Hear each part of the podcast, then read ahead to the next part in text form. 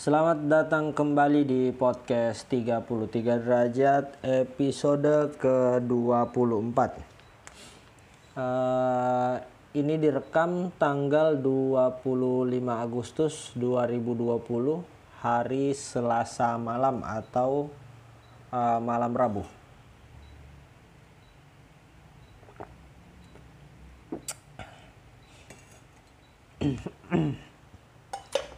uh, hari ini kita bahas apa ya?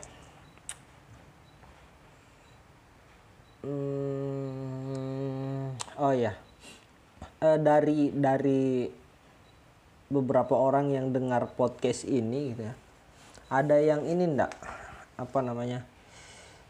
Yang menikah muda mungkin, atau ada yang sudah berkeluarga? Kayaknya hari ini kita kita mulai pembicaraannya dari ah apa sih itu? Kita mulai pembicaraannya dari uh,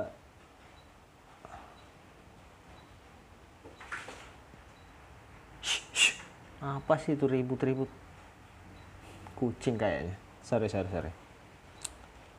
Uh, tadi saya bilang apa itu Oke, kita mulai pembicaraannya uh, dari kok dari kayaknya kurang tepat kata-katanya.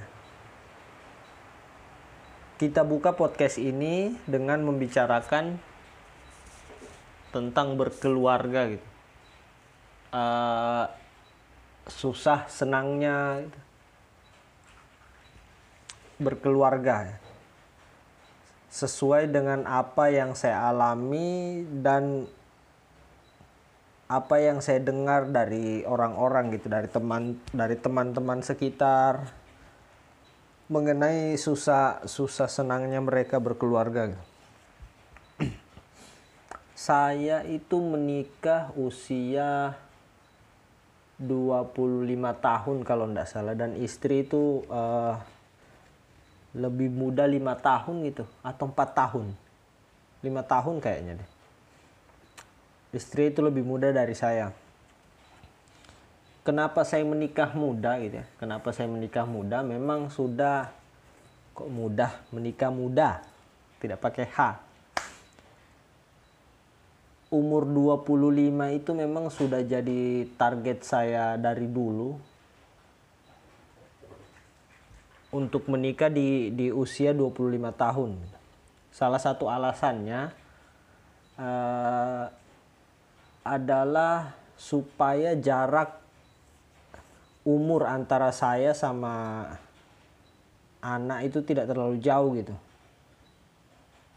Saya tidak mau pada saat uh, saya masih mau main gitu tapi saya sudah tidak bisa ladeni karena mungkin sudah terlalu tua, fisik sudah lemah atau apalah apa pun itu. Makanya saya mau jaraknya jangan jangan terlalu jauh. Dan saya kan menikah sama istri ini bukan karena pacaran atau karena kenal sebelumnya teman dari SD, SMP atau SMA. Bukan. Saya menikah dengan orang yang betul-betul baru saya kenal gitu. Jadi proses perkenalannya dimulai itu justru setelah menikah. Apa saya dijodohkan? Ya tidak tidak murni dijodohkan juga sih ya. Maksudnya kalau orang-orang itu kan dijodohkan mungkin uh, murni kemauan orang tuanya gitu. Kalau ini memang saya yang minta karena sebelum sebelum itu ya saya pacaran juga gitu. Mencoba uh, menyodorkan ke orang tua calon yang saya pilih gitu kan. Cuma ya ada sesuatu dan lain hal akhirnya tidak jadi. Dan saya ngobrol sama bapak gitu ya. Ya sudahlah pak carikan saja yang jelas kriterianya ada tiga gitu. Kriteria utama dari saya. Dia eh, harus bisa masak bukan jago ya bukan jago masak gitu. Saya minta ke bapak begitu. Yang bisa masak yang bisa urusan mencuci dan jaga anak gitu. Ini ini tiap-tiap orang beda ya kriterianya. Ini ini kriteria pribadi dan ada alasan kenapa saya uh, punya kriteria seperti itu? Yang pertama kenapa saya um, minta supaya dapat dicarikan yang bisa masak bisa mencuci bisa jaga anak? Saya orangnya eh, bisa dibilang ada sisi malasnya lah ada sisi malasnya. Kadang kalau sudah pulang kerja gitu kan capek sebenarnya bisa masak sendiri gitu. Cuman kalau kalau sisi yang malas itu datang itu muncul untuk masak pun susah gitu. Makanya saya berpikir bagaimana ya cara cara mengimbanginya? Ya salah satunya yang mencari pasangan yang uh, bisa masak lah.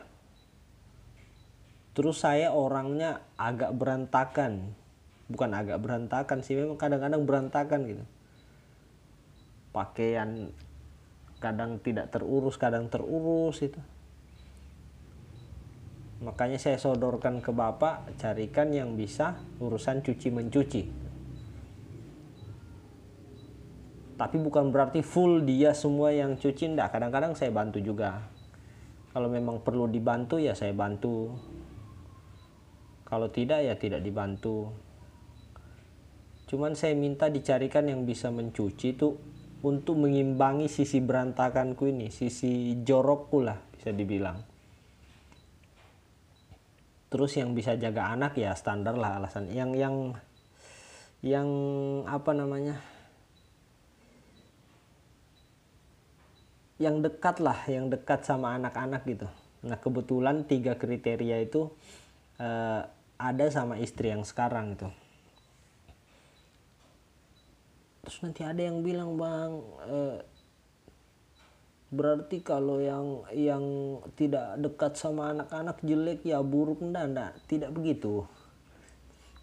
Saya cari apa carinya sesuai kriteria gitu. Terus yang tidak dekat sama anak-anak itu bukan berarti terus jadi buruk atau apalah enggak. Kayaknya ya tapi bukan kayaknya sih ya.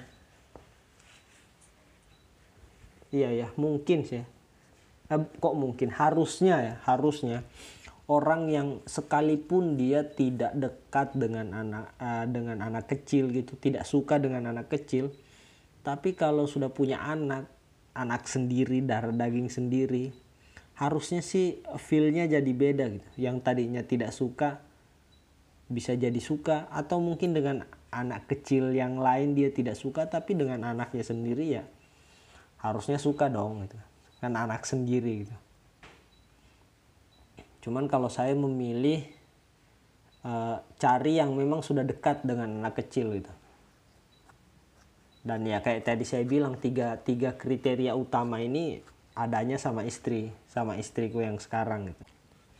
Dan e, dulu ya dulu pada saat saya awal-awal menikah itu kalau ditanya sama orang gitu menurutmu menikah itu banyakkan susahnya atau senangnya gitu saya masih bilang oh banyakkan senangnya.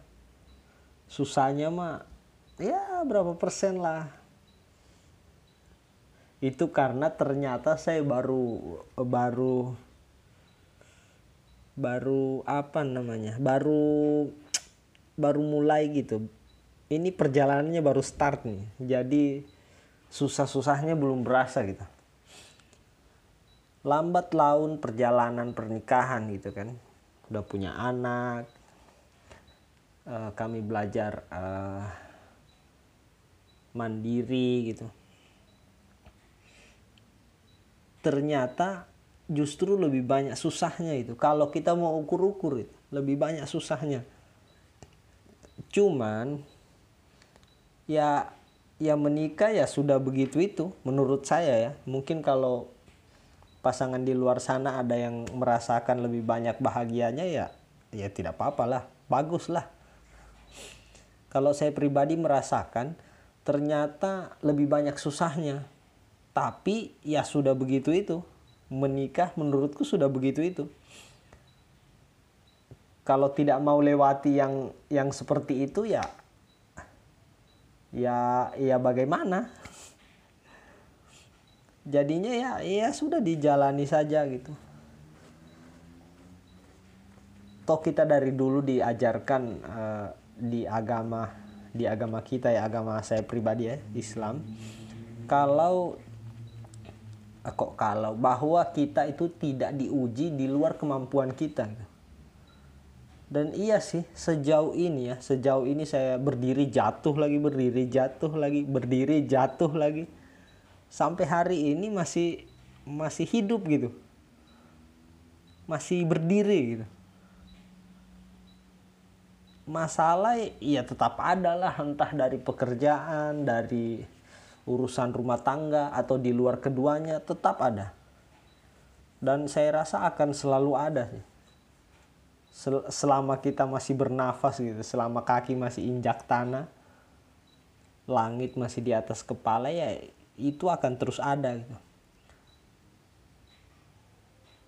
Dan justru itu yang bikin yang bikin kita tumbuh sih menurutku. Sesekali ya, sesekali kadang-kadang sudah sesekali kadang-kadang. Sesekali itu saya sengaja gitu menghadapi komplainan yang harusnya tidak harus saya hadapi gitu orang lain yang hadapi bisa. Cuman ada momen di mana saya memberanikan diri untuk menghadapi. Diam sejenak gitu. Seperti bertanya dalam diri bagaimana dihadapi. Dan di dalam itu seperti ada jawaban ya sudah hadapi saja. Saya terobos lah. Saya paksakan hadapi. Itu sekalian untuk uh, menurutku belajar gitu mengasah diri. Sudah sejauh mana sih mental mental diri ini terbentuk gitu? Karena saya orangnya canggung kadang deg-degan tidak jelas gitu. Takut dengar orang apa namanya kalau kita bilang apa digertak digertak sedikit tuh goyang gitu. Jadi sesekali saya sengaja ada ombak datang tuh dihantam gitu. Supaya tahu apa namanya tahu rasanya. Oh rasanya rasanya begini kalau hadapi orang komplain begini rasanya ya. Kalau ada yang yang seperti ini oh rasanya begini. Dan harusnya dari situ kita bisa sedikit banyak belajar lah oh cara menghadapi orang tuh begini oh kalau orangnya begini eh kalau orang datang marah-marah gitu biarkan dulu dia mengalir emosinya keluar dia tumpahkan semua uh, unek-uneknya nah setelah itu baru kita kasih dia penjelasan kita kasih dia solusi gitu. itu akan lebih masuk ketimbang pada saat dia masih ngomel-ngomel terus kita kita juga ikut ngomel-ngomel jadinya berdebat dan justru tidak selesai masalah. Kalau saya tidak hadapi langsung gitu, saya cuman tahu sekedar ya teori saja. Pada prakteknya bingung gitu. Dan pada saat pada saat saya hadapi gitu selesai juga itu. Uh, apa namanya yang orang itu permasalahkan saya bisa ternyata bisa saya jelaskan dengan baik itu dengan bagus dengan dengan detail gitu dan setelah dia tenang dia duduk sendiri gitu saya masuk kerjakan yang lain lanjut lanjut pekerjaan lain. Selesai kerja saya tanya teman bagaimana tadi? Oh aman sudah beres. Ternyata bisa beres gitu kadang kadang kita apa namanya kadang saya itu uh, sibuk di pikiran gitu. Di pikiran itu sudah terlalu banyak jangan-jangannya. Nanti kamu maju jangan-jangan begini nanti jangan-jangan begini. Akhirnya tidak maju-maju. Makanya sesekali meskipun deg-degan gitu meskipun kadang takut sesekali saya terobos lah. Saya terobos lah supaya tahu gitu rasanya saya sering diingatkan sih sama ada teman. Dia bilang yuk hidup itu cuma soal rasa yuk soal rasa saja. Kalau kamu bisa menghandle menghandle rasa itu rasa yang yang ada di hidup ini hidup itu bisa jadi lebih enak lebih kalem gitu. Lebih halus tidak gampang terpancing. Karena itu cuma soal rasa gitu. Makanan enak tidak enak itu cuma soal rasa gitu. Bagaimana kita memaknai rasanya itu? Di di di pernikahan pun begitu menurutku ya. Apalagi sekarang sudah jadi bapak gitu ya sudah jadi bapak muncul apa namanya semacam ketakutan baru gitu. Ini nanti saya mendidik anaknya bagaimana, mengarahkan si anak ini bagaimana supaya dia tidak tidak merasa terkekang tapi tidak kelewatan batas juga. Bagaimana supaya dia uh, bisa paham begitu. Batasan-batasan itu di mana? Batasannya dia sebagai sebagai anak ke bapaknya bagaimana? Tapi saya tidak mau terlalu apa terlalu kaku juga jadi orang tua gitu. Bagaimana supaya uh, semua susah susah senangnya dia sedihnya dia gitu. Dia bisa percaya untuk cerita ke saya gitu. Bukan ke orang lain. Kalaupun dia mau cerita ke orang lain iya tidak masalah lah itu pilihannya dia. Tapi saya saya juga apa pengen gitu. Kalau ada ada sesuatu gitu si anak ini cerita ke saya sebagai bapaknya gitu karena dia percaya gitu. Saya mau bisa sedekat itu sama anak sesantai mungkin sama anak gitu. Tapi tetap tahu batasannya gitu. Tetap tetap eh, tahu pagarnya. Oh saya saya sama bapak meskipun dekat meskipun dekat sekali oh kalau begini tetap tidak boleh karena dia bap karena dia bapak saya anak. Saya mau kesadaran itu ada di dia gitu. Karena menurutku uh, apa? Yang jadi problem yang jadi uh, permasalahan beberapa orang tua sekarang ini ini menurutku pribadi ya yang tidak mau saya apa?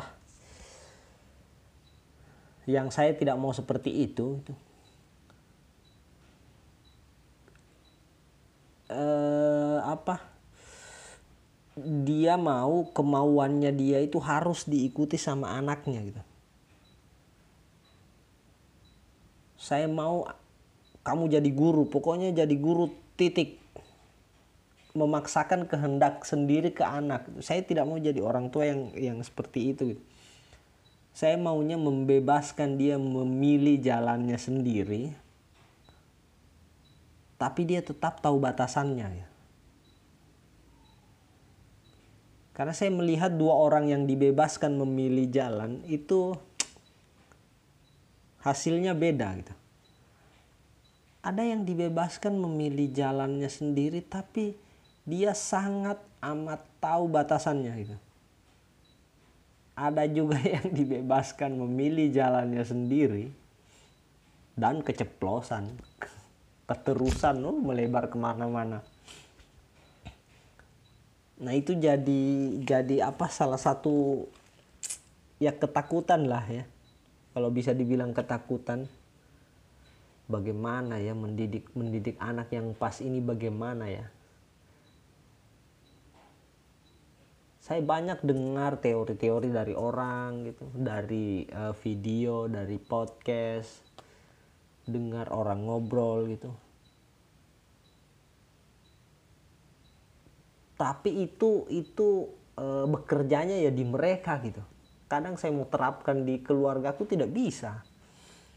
Karena problem yang yang dia hadapi dan yang saya hadapi beda, karakter keluarganya, karakter anaknya dengan karakter anakku beda gitu.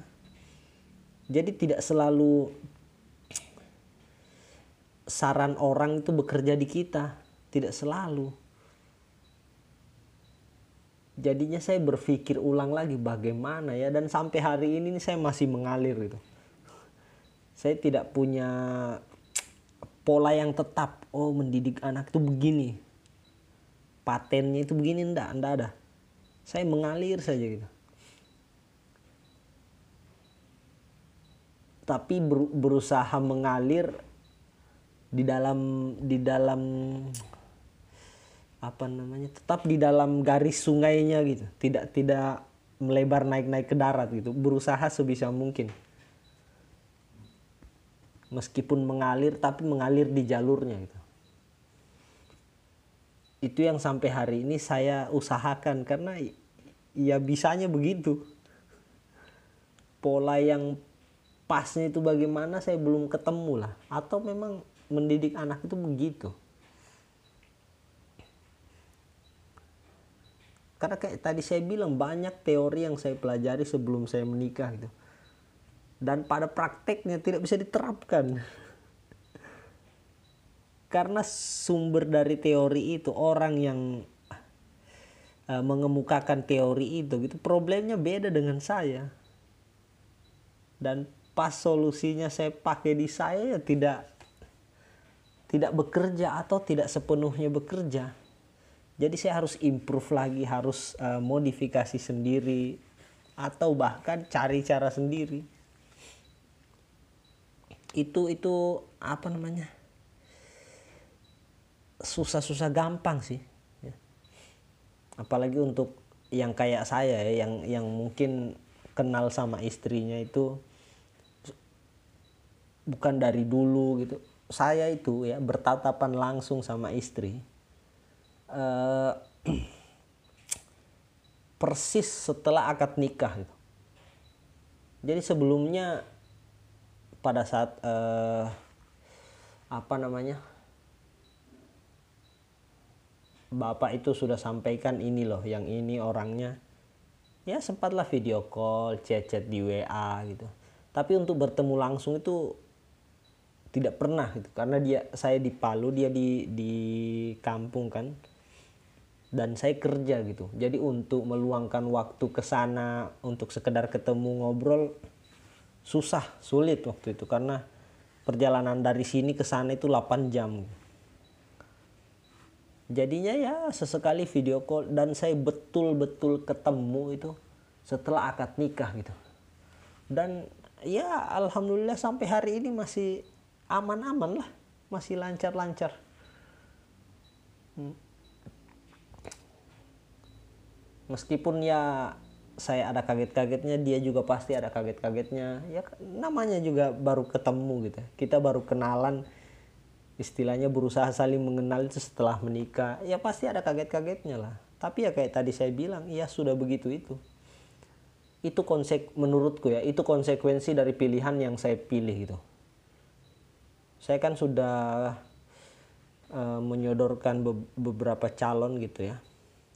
Sebelum sebelumnya dia tapi ya ada sesuatu dan lain hal yang akhirnya tidak jadi. Ya saya doa lah ke Tuhan gitu ya Tuhan saya bingung gini saya bingung. Tolong kasih saya seperti apa yang saya mau dan yang saya butuhkan gitu. Saya buat doaku seperti itu gitu. Karena kadang ya yang kita mau itu belum tentu kita butuh gitu. Saya merasa saya belum benar-benar tahu atau belum benar-benar bisa memastikan oh ini cuman saya mau tidak saya butuh oh ini saya betul-betul butuh gitu. Saya belum bisa memastikan itu 100% gitu. Atau kalau dibikin presentasi mungkin ya 50-50 mungkin ya. Ada yang saya bisa atau mungkin bukan 50-50 sih ya bisa jadi 60-40 atau mungkin 70-30 ada yang bisa saya pastikan oh ini saya butuh ya ada juga ya, ya saya bingung lah. Ini ini ini saya butuh atau cuma saya mau ini? Itu kan posisinya beda gitu kan. Itu dua hal yang berbeda itu antara kita mau dan kita butuh. Makanya saya minta ya Tuhan kasih saya istri yang saya mau dan saya butuh gitu. Lebih lebih tegasnya dibutuhnya dan dikasihlah istri yang sekarang kan namanya Via kan panggilannya Via dikasihlah istri yang sekarang gitu. Dan setelah saya jalani rum rumah tangga gitu sama dia berkeluarga gitu pada saat uh, di bawah-bawahnya kita lah posisi kita lagi di bawah itu ya dia tetap ada gitu. Dia tetap berdiri dia tetap sama saya gitu. Dan itu yang yang bikin saya lebih lebih yakin lagi iya sih betul. Kalau ada apa-apa libatkan Tuhan deh tanya deh gitu. bagaimana Tuhan menjawab ya itu terserah dia lah. Yang penting tanya lah libatkan lah. Supaya kita supaya di, dikasih yang yang memang sesuai gitu ya. Karena merasa diri ya kita tidak tahu gitu yang yang saya butuh sebenarnya yang bagaimana. Ya mintalah tanyalah gitu. Sama yang lebih tahu kan logika dasarnya kan begitu. Kalau kita bingung sama sesuatu ya kita tanya sama yang lebih tahu gitu.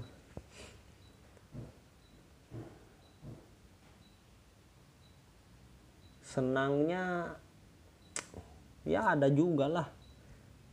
Happynya gitu. Kita bisa berbagi uh, apa namanya? Uh, apa yang kita alami gitu. Kita punya tempat untuk ngobrol. Ya bahasa-bahasa puitisnya punya pundak untuk bersandar lah. Kalau kita lagi jatuh gitu lagi murung lagi lagi down lagi di posisi bawah kita punya tempat untuk bersandar gitu. Kita punya orang yang bisa kita peluk kalau kita lagi butuh kalau kita lagi butuh pelukan gitu. Kita punya orang yang bisa kita manja kalau kalau kita lagi pengen manjakan gitu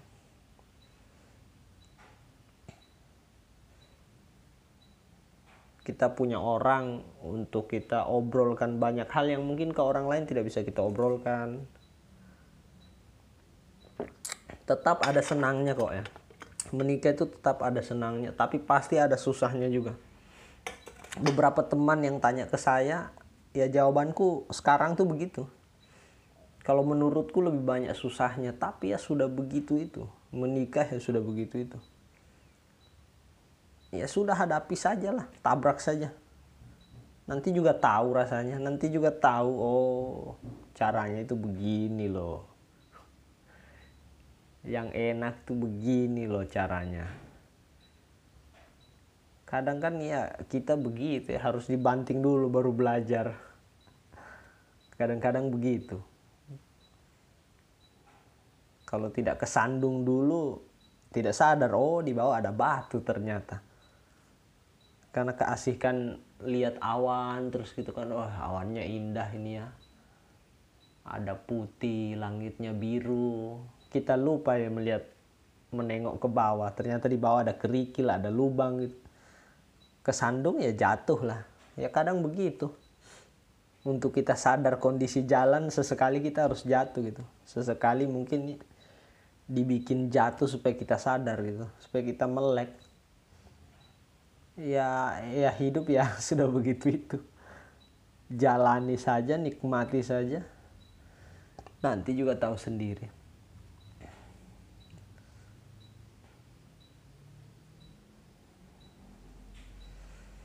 Ah 30 menit lumayan lah ya.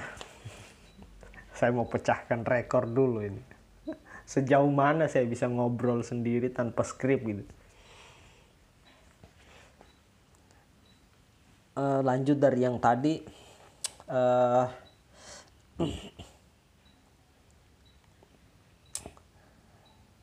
sekarang itu Ifka Ifka itu nama nama panggilannya nama panggilannya anakku. Ifka itu sudah umur hampir 2 tahun lah ya bulan 12 nanti 2 tahun gitu. Makin sudah makin lincah aktifnya minta ampun gitu. Aktif sekali tapi saya senang lah beberapa doa yang saya panjatkan pas dia masih di perut beberapa sudah kelihatan lah. Dan saya senang lah alhamdulillah. Sejauh ini dia kelihatannya kuat gitu tidak cengeng. Kadang dia jatuh loh ini tidak membandingkan ya cuman ada beberapa anak yang saya lihat kalau jatuh itu nangisnya lama betul baru berhenti. Kadang jatuhnya juga ya tidak tidak sakit-sakit amat sih ya. tapi nangisnya lama baru berhenti gitu. Nah alhamdulillah Ifko ini kadang jatuh aduh. Dulu pernah jatuh sampai bibirnya benjol itu berhari-hari benjol. Tapi habis jatuh itu dia nangis sebentar semenit ada mungkin habis itu ditenangkan gitu kita bujuk. Sudah tenang lagi dia lanjut lagi main. Sambil bibirnya benjol itu. Dan ya ya saya senang sih. Memang sih ya karakter karakter anak kan beda-beda ya. Dan itu tidak tidak masalah sih menurutku ya. Cuman karena saya apa namanya saya punya penilaian sendirilah istilahnya. Oh kayaknya kalau begini kurang bagus deh. Mintalah ke atas gitu. Kayaknya kalau begini kurang bagus ya. Nah, minta lagi lah. Dan ada beberapa kayak tadi saya bilang lah ya ada beberapa doa yang dulu saya panjatkan gitu. Untuk dia ini makin ke sini ya makin kelihatan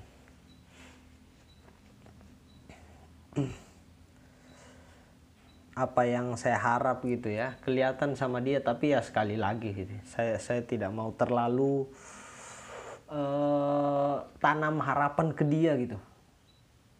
Takutnya nanti saya jadi jadi orang tua yang tidak asik gitu untuk anak. Terlalu memaksakan kehendak terlalu mau anaknya jadi seperti apa yang dia mau gitu. Padahal ya dia si anak ini belum tentu nyaman. gitu mungkin dia bakatnya di mana kita paksa jadi apa? Toh sampai sampai umur berapa sih kita bisa kita bisa temani dia gitu? Kok kita memaksakan betul gitu dia jadi apa yang kita mau gitu? Pada saatnya nanti dia akan akan pilih jalannya sendiri akan pilih calon suaminya sendiri. Dia akan jalani hidupnya sendiri dan pada masanya nanti kita akan meninggal meninggalkan dia juga ya dia akan hidup sendiri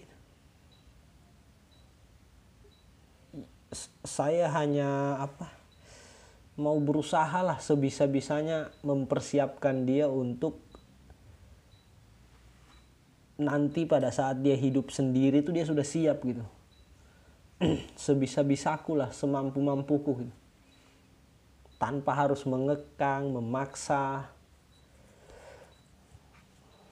pokoknya se seasik-asiknya tapi tetap pada batasannya gitu. Tidak kelewat batas.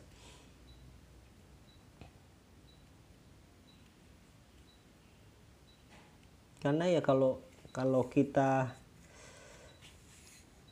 paksakan kehendak kita ke dia itu kasihan dianya juga gitu. Berapa banyak anak itu yang mengubur mengubur keinginannya mungkin karena keinginan orang tuanya. Menurutku sih itu tidak masalah gitu. Itu terserah si anaknya. Cuman sebagai orang tua ya menurutku kita harus apa memposisikan diri untuk mengerti sih ya. Tapi entahlah ya. Saya mungkin bisa bicara begini karena baru setahun lebih jadi orang tua. Entahlah nanti ke depannya tapi saya berdoa sih berdoa sih. Semoga saya jadi orang tua yang yang asik lah untuk anak tapi tetap pada batasannya gitu. Jangan kaku-kaku amat lah. Ah terlalu berjarak sama anak. Loh saya enggak mau sih. Saya mau kalau dibutuhkan saya bisa jadi teman. Kalau waktunya jadi bapak saya bisa jadi bapak gitu kalau waktunya memang dibutuhkan saya jadi teman curhat jadi teman curhat. Saya jadi teman main jadi teman main gitu. Saya pengennya begitu fleksibel lah fleksibel.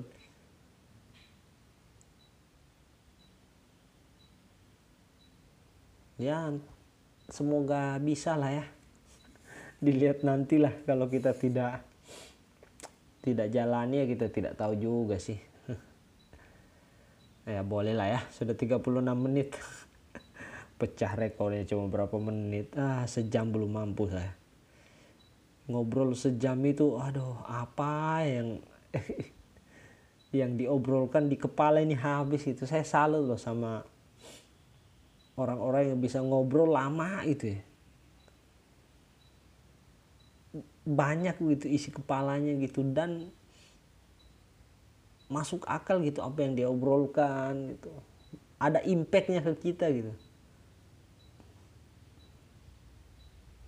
Karena kan ada ada juga ya ngobrol sih jago dia.